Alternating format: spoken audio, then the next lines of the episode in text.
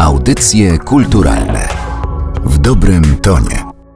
Rozpoczynamy kolejne spotkanie w audycjach kulturalnych. To jest podcast Narodowego Centrum Kultury. Przy mikrofonie Aleksandra Galant. Liczba 104. Właśnie 104 prace możemy oglądać w Nowochódzkim Centrum Kultury. 104 prace autorstwa Jerzego Dudy Gracza. To właśnie one tworzą autorską galerię, którą od stycznia tego roku w zmienionej formie, w nowej postaci można tam oglądać. Wystawa jest wyjątkowa z wielu powodów, o których mam nadzieję, że zaraz powiemy.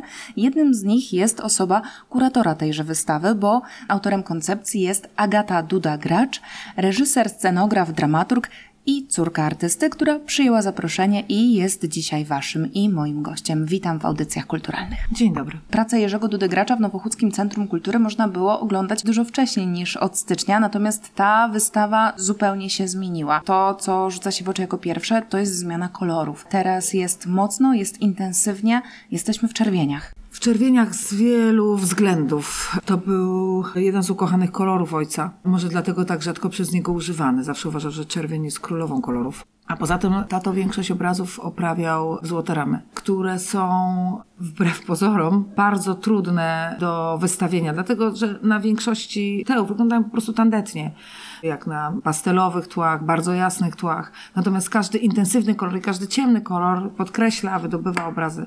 Dlatego zależało mi na tym, żeby ten kolor był jak najciemniejszy i koniec końców wpadła decyzja, że będzie na czerwono. Te 104 prace pochodzą z Pani kolekcji. Można powiedzieć, że jest to taka przekrojowa wystawa skupiająca twórczość Jerzego Dudy Gracza. Jakie motywy najważniejsze dla jego twórczości, tak jak Pani podkreślała w tekście kuratorskim, nie te, z których jest najbardziej znany, ale te, które były dla niego po prostu najważniejsze, możemy na tej wystawie zobaczyć. Wybrałam do tej ekspozycji obrazy, które są stosunkowo mało znane, ale takie, które dla ojca były ważne i takie, które są reprezentacyjne dla najważniejszych wątków jego malowania.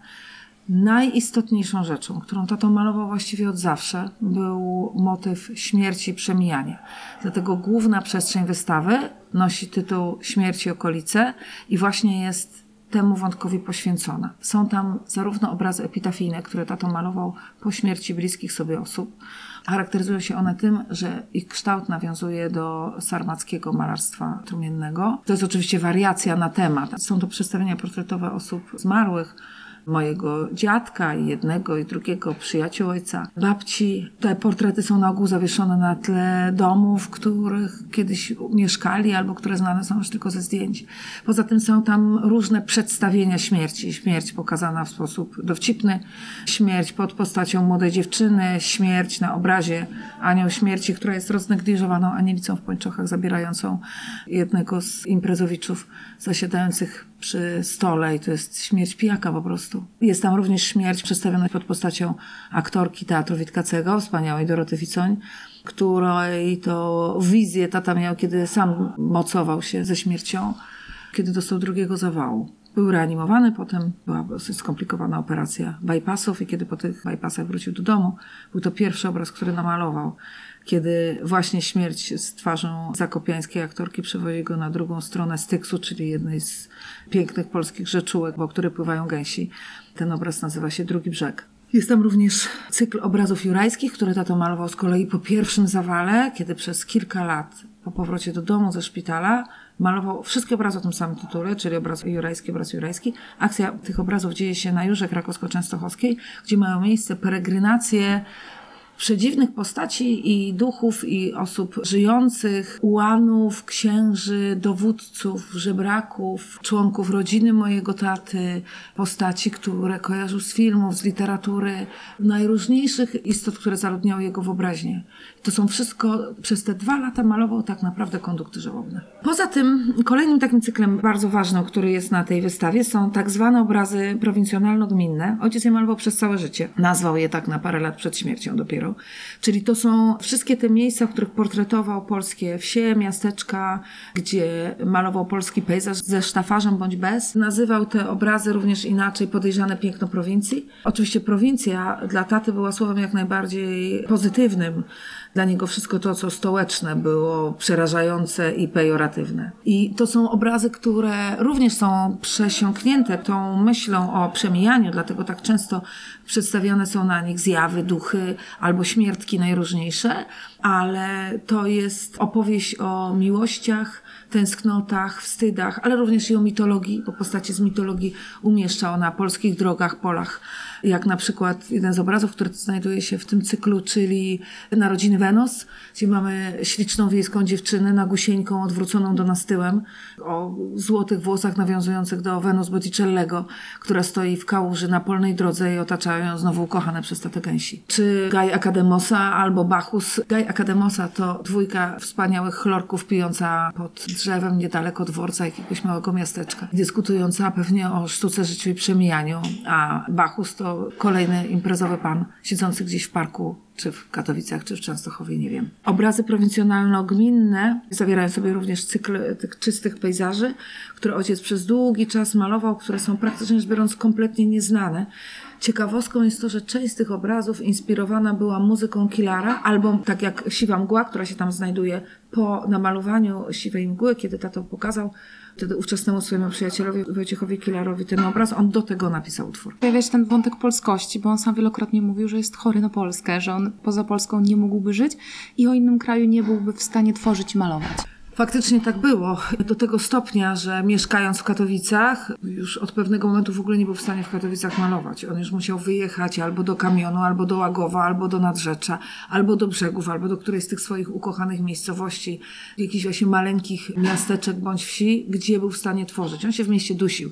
I zresztą zawsze mam wrażenie, że wszystko, co było tak zwane salonowe, tak zwane pierwszoplanowe, napawało go bardzo głębokim obrzydzeniem. Może dlatego tak bardzo unikał Warszawy. Bał się Krakowa, nie znosił Krakowa. Studiowałam tam wiele lat, a potem zamieszkałam. Odwiedził mnie tylko kilkakrotnie, z najwyższą niechęcią. On najlepiej czuł się tam. Szczęśliwy był właśnie w Nadrzeczu, czy w Łagowie, czy w Kamionie, w którym koniec końców zresztą zmarł. I tam powstała lwia część jego obrazów. Natomiast dla niego mam wrażenie, że prowincja, tak zwana prowincja, czyli ta Polska niecentralna, była światem prawdziwszym, uczciwszym, pełniejszym i poza wszystkim innym piękniejszym po prostu.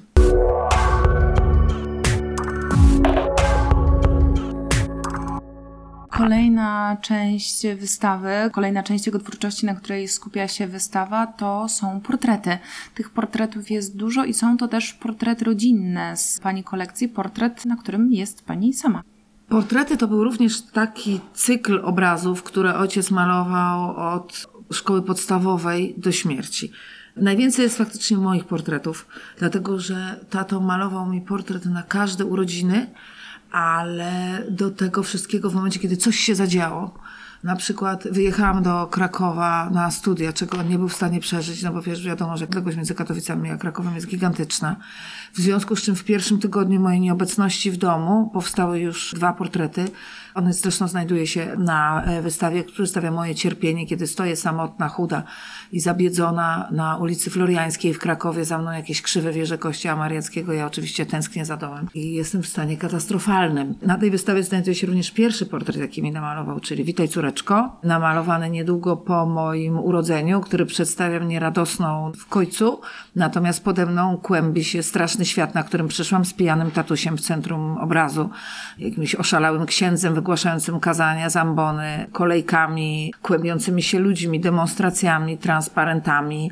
To jest zresztą najukochańszy, jeden z najukochańszych moich obrazów, zawsze wisiał nad moim łóżkiem, ale stwierdziłam, że jeżeli mam pokazać intymną odsłonę ojca, czyli pokazać te obrazy, które były jemu też najbliższe i malowane absolutnie z potrzeby serca, to ten obraz musi się tam znaleźć. Są tam również dwa portrety mojej mamy. Pierwszy ten, na który tatą mamę poderwał, a e, drugi jest to obraz malowany po śmierci mojej babci, kiedy mama była pogrążona w żałobie i strasznie tą żałobę przechodziła. I namalował ją wtedy taką antyczną, archetypiczną. Można powiedzieć, że to jest portret przedstawiający przede wszystkim rozpacz, ale i próbę poradzenia sobie z nią.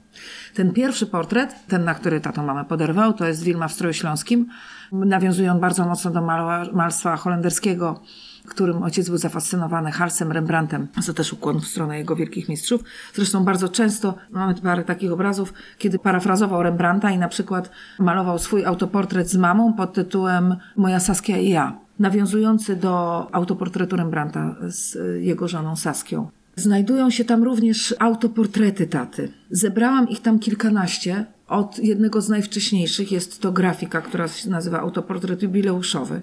Ta grafika powstała w 1968 roku. Mój tato był absolwentem grafiki, nie, nie, nie, nie malarstwa. Oraz autoportret, który został namalowany 25 lat później o tym samym tytule. Oraz obrazy, które były malowane pomiędzy. Chciałam pokazać, w jaki sposób zmieniał się jego styl malowania, jak szukał swojego stylu oraz jak zmieniał się jego stosunek do świata, a co za tym idzie do siebie. Zawsze malował siebie z ogromnym dystansem i z poczuciem humoru, absolutnie siebie nie oszczędzając. Zawsze malował siebie z przymrużeniem oka. Na tych wszystkich obrazach to jest. Chciałam je zestawić, ponieważ nigdy do tej pory na żadnej wystawie się to nie zdarzyło. I to jest, jak wejdziecie Państwo do galerii, to to jest właśnie ta pierwsza sala, która się nazywa Dom Wilma i Agata oraz druga część tej powierzchni wystawienniczej, czyli autoportrety, czyli studia gęby własnej. Gęby własne oczywiście nawiązanie do jego ukochanego Gombrowicza. Poza tym znajduje się tam również parę portretów osób nieistniejących, natomiast stanowiącymi czy alegorie, czy portrety Polaków po prostu. Portret nazywa pan kolega e, z taką postacią, którą już możemy znać tylko i wyłącznie z filmów Barei. Jest to jakiś urzędnik, pracownik spółdzielni mieszkaniowej bądź biura wystaw artystycznych. Czy portret pani D. D to oczywiście dewotka i jest to cały cykl portretów poświęconych Częstochowie, z której tata pochodził, który się bał, którą nienawidził i za którą całe życie tęsknił, z którą ciągle miał kłopot, jakby tak Częstochowa go rozliczała z tego, kim był, a kim powinien być. I znajdują się w tym cyklu również portrety zwierząt, które malował z taką samą pieczołowitością jak ludzi. Są to obrazy, których być może sam tata by nie wystawił, dlatego nazywają się studium, ale jest tam studium dwóch jamników pod tytułem Kochankowie, są tam studia czapli i studia kozy. Jeszcze są dwa cykle, które znajdują się na tej wystawie. Jeden to jest Polska Wojna. To są te obrazy, z których ojciec był najbardziej znany, którymi tato komentował rzeczywistość polską. Zarówno okresu PRL-u, jak i potem okresu przemian i tego, co się stało później. Do tego cyklu należy, że cała grupa takich króciutkich cykli obrazów typu polskie szkoły jazdy, polskie szkoły tańca, motywy polskie oraz tak zwane obrazy, on to nazywał cyklem kolaboranta. Najważniejsze obrazy z tego cyklu, właśnie takie jak Jeźdźcy Apokalipsy, ich nie chciałam na tej wystawie pokazywać. Pokazałam te, które są mało znane. Są to obrazy przedstawiające ofiary stanu wojennego, czasy Solidarności, jak i te, które komentują to, co stało się później, czyli cały ten okres przemian w Polsce, z którym tato się nie mógł pogodzić, że wygląda tak. I ostatni cykl to Sacrum Profanum. To są obrazy poświęcone zarówno wierze, jak i polskiemu sposobowi uprawiania religijności. Jest tam dla mnie jeden z najważniejszych obrazów, to jest pierwsze podejście do Golgoty Jasnogórskiej. Tak jak mówiłam, tato jako częstochowianin strasznie się z tą Częstochową swoją borykał, a wiadomo, że Częstochowa to takie przedziwne miasto, które wyrosło dookoła klasztoru jasnogórskiego. Dla ojca ten klasztor i obraz jasnogórski był w jakimś centrum jego malarskiego serca i równocześnie ambicji. Już jako dziecko postanowił sobie, że namaluje drogę krzyżową, która tam zawiśnie. Oczywiście wiadomo było, że brzmiało to absolutnie abstrakcyjnie. Natomiast już potem, jako dojrzały malarz, parę razy do tego tematu podchodził. Tych dróg krzyżowych namalował ileś i znajduje się w najróżniejszych miejscach w Polsce, ale ta była najważniejsza. I kiedy za pierwszym razem w latach 90.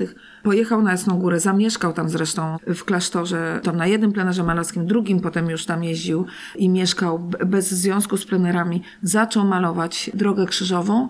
Od stacji Chrystus spotyka matkę swoją, oczywiście spotykała matkę swoją pod postacią obrazu jasnogórskiego. Niestety doszło tam do konfliktu, nie udało mu się porozumieć z przeorem zakonu i przerwał pracę nad tą Golgotą i wrócił do tego x lat później. Faktycznie Golgota powstała, wisi do dzisiaj na Jasnej Górze. I dlatego ta tam ta praca była taka ważna, bo to było pierwsze podejście do dla niego w tamtym okresie najważniejszego dzieła życia. Poza tym w tym cyklu Sacrum Profanum znajduje się grupa obrazów, gdzie pokazuje peregrinację Chrystusa przez jakby polską prowincję znowu. Są tam obrazy pokazujące grabarkę którą ojciec się zachwycił oraz jedną z najwcześniejszych grafik, która powstała na pierwszym roku studiów i komentuje podejście ojca do polskiego kościoła. Tak bym to ujęła. Wystawę zamyka ostatni obraz, jaki tato namalował. Bardzo łagodny, przedstawiający po prostu grupę kobiet w deszczu idących do kościoła. Oraz ostatni taty autoportret, który namalował, to jest odbicie w zgaszonym telewizorze. Bardzo chciałam, żeby one się na tej wystawie znalazły, chociaż ten autoportret był też na poprzedniej ekspozycji, ale nie wyobrażam sobie retrospekcji, czy jakiejkolwiek próby zbliżenia się do opowiedzenia o całości jego twórczości bez tego autoportretu. Jest jednym z najbardziej gorzkich obrazów, jaki tato namalował. To jest podsumowanie siebie. Pod koniec życia tato bardzo zgorzkniał. Nazywał to utratą złudzeń i zasiadł na takiej przysłowiowej kanapie, mówiąc już, że czas się czeka już tylko na, na koniec, że nie ma w sobie już mocy walki, czymkolwiek ona dla niego była. Jakiego Jerzego Dudę gracza my poznajemy oglądając tę wystawę? Bo to jest znany malarz, to jest bardzo znany artysta. Myślę, że mówi się o jego twórczości na wiele sposobów. Pojawia się słowo kontrowersyjne. Tych określeń jest bardzo wiele, skojarzeń jest bardzo wiele, ale mam wrażenie, że przez to, że ta wystawa jest tak bardzo osobista, no bo jak miałaby nie być, skoro to pani dokonała wyboru obrazów, to poznajemy go z trochę innej strony. Chciałam pokazać tatę takiego, jakiego sama znałam. Jako człowieka pełnego szacunku do wszystkiego, co go otacza. I oczywiście ten szacunek nie powoduje, że ta twórczość nie jest krytyczna, bo jest. Natomiast tyle, ile w tym krytycyzmu, tyle jest i miłości, ciekawości drugiego człowieka, umiejętności pochylenia się nad nim i takiej zwykłej ludzkiej dobroci. Taki właśnie był. Był niesamowicie otwartym, dobrym, ciekawskim i uczciwym człowiekiem. O twórczości Jerzego Dudy Gracza, którą można oglądać m.in. w Galerii Autorskiej w Nowochódzkim Centrum Kultury opowiadała Agata Duda Gracz, kurator wystawy, a także reżyser, scenograf i dramaturg. Bardzo dziękuję za spotkanie. Dziękuję serdecznie. Audycje kulturalne w dobrym tonie.